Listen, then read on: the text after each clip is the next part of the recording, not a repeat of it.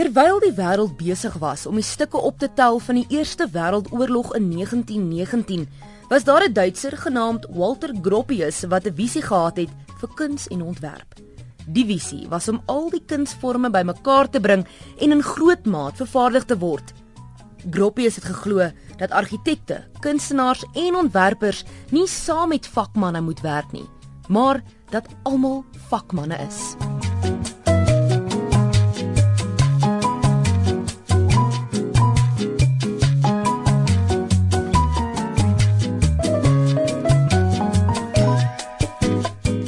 Gropius se visie word 'n realiteit in 1919 en hy stig die Bauhaus skool vir kuns en ontwerp in Weimar.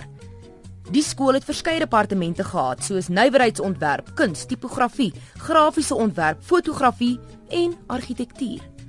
Gropius en al die professore en lektore was ten gunste van eenvoud. Hulle het die studente geleer om te fokus om van die onnodige ontslae te raak, om seker te maak die ontwerp het gebruikswaarde en om te ontwerp met massaproduksie in gedagte.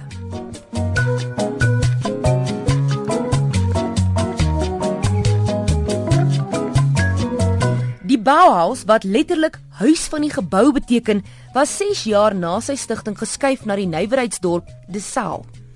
Gropius het die gebou ontwerp wat vandag gesien word as 'n landmerk van moderne, funksionele argitektuur. Dis in die tyd wat die Bauhaus sy grootste vrugte gepluk het. In 1928 is Gropius uitgebrand van die werk en moeg vir al die skoolse kritisie en gee die leiersels oor aan Hannes Meyer van Switserland. Meyer was nie baie populêr nie en is afgedank in 1930. Na die nasies in 1932 aan bewind gekom het, is die skool in Dessau toegemaak.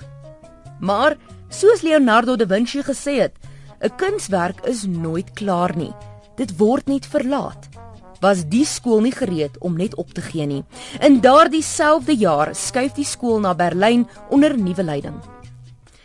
Maar alhoewel die liefde en passie vir die kunste daar was, kon die skool nie meer lei vir hulle kuns nie. Druk van die nasies forceer dat die invloedryke skool sy deure toemaak.